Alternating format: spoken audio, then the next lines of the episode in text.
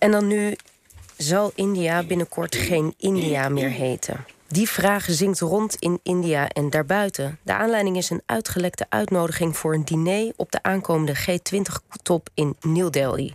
Die sluit af met in naam van de president van Bharat in plaats van India. Maar waarom zou de Indiase regering de naam willen veranderen? En waar staan die woorden India en Bharat voor? Carolien Stolte, India-onderzoeker aan de Universiteit Leiden, is bij ons. Welkom. Dank. Um, ja, hoe zit dat? Um, is heel India nu in rep en roer? Of overdrijven wij het een beetje?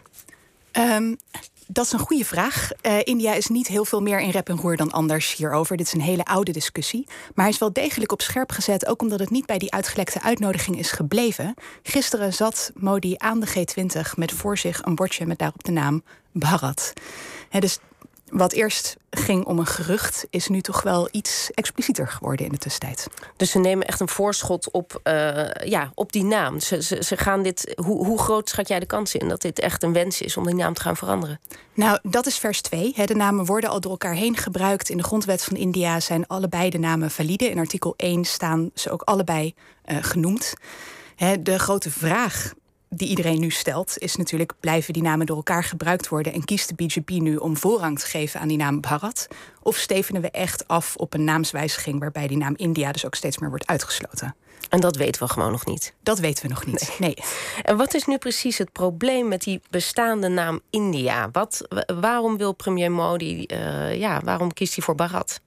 Nou, Modi en de, de BJP, dat is eigenlijk de, de politieke vleugel van een hele brede hindoe-nationalistische organisatie die altijd al vond dat India eigenlijk uh, Bharat moet heten. En dus wat dat betreft is het, uh, is het heel erg oud. En het bezwaar dat zij aanvoeren tegen de naam uh, India, in, in hun woorden, is dat het een, een koloniale naam is, zelfs een slavennaam. Dat, dat woord slavennaam is ook echt gevallen in de, in de, in de discussies hieromheen. En daarmee zeggen ze eigenlijk dat dit een Britse naam is, die toch in zwang is geraakt in de Britse koloniale periode. En, en uh, als we dan even straks gaan we naar, kijken naar hoe, uh, ja, hoe waar dat eigenlijk is in, in jouw ogen. Maar en waarom zou het dan Bharat moeten worden? Wat zitten daar voor associaties aan? Nou ja, als India een soort uh, geografische naam is, dan is Bharat echt een mythische naam. hij is bijna net zo oud als de naam India zelf. We hebben het allebei over meer dan 2000 jaar geschiedenis van, die, van die termen. maar Bharat komt voor in de Mahabharata, een van de langste en bekendste Hindoe-teksten, waar een koning Bharata uh, gezegd wordt de, de vader te zijn van de voorvader van alle Indiërs. dus wat dat betreft uh, ja, wordt de suggestie gewekt, natuurlijk met die naam Bharat, dat op die, die mythische Hindoe-koning, waarbij we ook Hindoe even met enige nadruk moeten bekijken. dat, dat, dat dat uiteindelijk is waar, waar alle Indiërs van afstammen. Met de implicatie misschien ook wel dat als je dus niet Hindoe bent en niet daarvan afstamt, dat je dan ook niet volwaardig Indiër bent. Dus dat is eigenlijk de, de schaduwzijde die er aan die naam hangt. Dat is de inzet, ja. Um, en uh, wat je net zei, hè, de, de, er wordt dus gesuggereerd dat India een koloniale naam zou zijn. Um, uh, kan je eens ons mee terugnemen naar de geschiedenis van die term? Waar, waar komt die vandaan? Ja, dit is de discussie die mij als, gewoon als historicus ontzettend fascineert. Het is echt heel interessant. Kijk, de naam India is uh, afgeleid van gewoon de rivier de Indus. En de rivier de Indus, hè, dat is de Sanskrit-naam die de rivier ook had. Hè, wat dat betreft is het ook gewoon een naam die ontstaan is op het Indiase subcontinent, van India zelf is. Eh, en daarna door de Grieken die in contact kwamen met India uh, is overgenomen. En in Griekse bronnen heet het uh, Hindikegore, dus het land van de Indus. En dat zie je niet alleen bij Europeanen. In die zin is het ook niet alleen een Europese term. Uh, in, in Perzië, hè, dus uh, Centraal-Azië, de, de, de buurlanden van, van India, in die zin de buurgebieden, wordt ook gespro gesproken van uh, Hindoestaan of Hindostaan. Hè, dus ook het, het land van de, Hindu, van, van de heel letterlijk. En dus het is, wat je al zei, het is meer een geografische benaming eigenlijk. Hoe komt het dan toch dat ze die link maken met het kolonialisme of de Britten? Nou ja, uh, kijk, geografie is in de eerste plaats nooit helemaal neutraal. Hè? Uh, maar ook dan uh, wordt. en daar hebben ze niet helemaal ongelijk in. Hè? Het idee dat de naam India de naam is die het hele gebied is gaan krijgen. dat is ook in de Britse periode gebeurd. Hè? Het is een beetje zoals nou ja, wij van West-Europa spreken. Hè. We hebben het over Nederland, we hebben het over Duitsland. Je hebt uiteindelijk, je identificeert je met de politieke eenheid. En India is in die zin meer een geografisch descriptieve term, waarvan uh, de BJP vindt dat die dus ook echt extern is. Dat is een naam die andere mensen, mensen van buiten India, aan India hebben gegeven. Nou is het ook zo dat uh, de, er is dus een soort nieuwe coalitie van um, oppositiepartijen uh, ontstaan. En die, die werken samen onder de naam India als afkorting voor allerlei uh, subtermen. Dat zal toch ook wel meespelen. Dus blijkbaar wordt het politiek echt ingezet, die twee termen. Kun je iets zeggen over die twee wereldbeelden van de oppositie en de regeringspartij? Ja, zeker. Nou, wat dat betreft is ook nu de, de, de, het weer oplaaien van de naamsverandering helemaal niet toevallig. de, dit is een nieuwe politieke coalitie. India heeft uh, van oudsher gewoon groot, grote coalitieregeringen, juist omdat één partij geen meerderheid van, uh, van stemmen heeft. Die coalities die hebben altijd uh, nou ja, spannende namen. de grote oppositiecoalitie bij de aankomende verkiezingen, die ook echt volgende lente al plaatsvinden, is een, een afkorting die, die India spelt.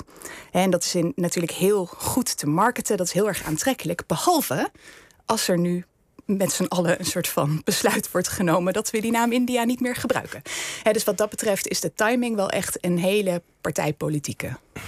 Maar kun je iets zeggen wat voor uh, ja, politieke wereldbeelden er aan die termen worden verbonden? Dus je zei het al een beetje, de Hindoe-nationalistische partij van Modi, uh, die gebruikt niet voor niets Bharat. En of het nou historisch correct is of niet, maar wat, waar staat hij voor en waar staat dat India nu voor, politiek gezien? Nou, de grote inzet, en dat is eigenlijk het, ook het allerbelangrijkste uh, dat, dat ik hier te vertellen heb, is dat de discussie in de basis gaat om een hele eenvoudige vraag en ook een hele oude vraag. Is India een seculiere staat met heel veel landen, religies, etniciteiten enzovoort? Of is India in de eerste plaats een Hindoestaat? Nou, die discussie, die, daarvoor is de, de India-Bharat-discussie echt een metafoor. En dat is ook eentje die in India vaker via taal uh, wordt uitgevochten. En dat is ook eentje waar bijvoorbeeld ik als onderzoeker in de tijd dat ik onderzoek deed in India en ook in het in het Hindi daar sprak, ook best fouten mee maakte. Want taal is politiek. Dat ik per ongeluk de Persische of juist de Sanskrit vorm van een woord gebruikte en mijn gesprekspartner eigenlijk vond dat ik die andere moest gebruiken. Je kan daar zeker als buitenstaander ook enorm de mist mee ingaan. En ik ben zelf ook wel eens tegen die India Bharat fout aangelopen. Mhm. Maar het is, die fout is dus nu ook wel uh, snel te maken, omdat het zo politiek is geworden. Is het nu ook zo dat je als Indiase burger met het gebruik van de ene of de andere term jezelf in een, uh, direct in een politiek kamp plaatst? Nou, het was altijd zo dat het actieve gebruik van Bharat uh, dat je daarmee jezelf in een politiek kamp plaatste.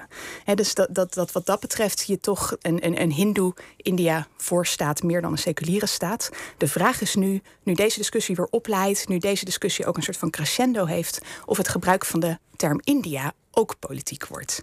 En dat is denk ik de vraag voor de komende paar maanden. Ja, maar wat nog wel grappig was, was dat India uh, ook door de nationalisten ten tijde van het Britse koloniale regime juist werd gebruikt als nationalistische slogan, toch? Ja, en dat is de, de, de, de ironie, uh, waardoor ik ook zei: van, nou, als historicus fascineert me dit totaal. Kijk, tijdens de, de nationale, uh, nationalistische periode was India nog geen eenheid. He, India was een lappendeken van, van vorstenlanden, van direct door de Britten bestuurde gebieden. Dat moest ook een geheel worden. En wat voor naam geef je daar dan aan? dus juist India is gebruikt in die tijd door Nehru, door Gandhi, ook om aan het geheel te refereren en iedereen ook bij dat geheel te betrekken. En de grote nationalistische kreet uh, van Nehru uh, tijdens de onafhankelijkheidsstrijd was altijd Jai Hind. dus uh, overwinning aan India. dus wat dat betreft zit er zeker ook een anti-koloniale connotatie uh, die hier ergens onder deze hmm. discussie ook nog steeds meespeelt. Maar daarbij zeg ik ook meteen weer, juist die nationalisten van de Indian National Congress, wat later de congrespartij geworden is, dat is nu de oppositie. Ja, dus die rollen zijn een beetje uh, omgedraaid. Hoe is de um, kans dat de internationale gemeenschap uh, overgaat tot die nieuwe naam? Uh, zoals met Myanmar en andere namen? Daar is op dit moment in India meteen heel veel schrik en ook weerstand tegen.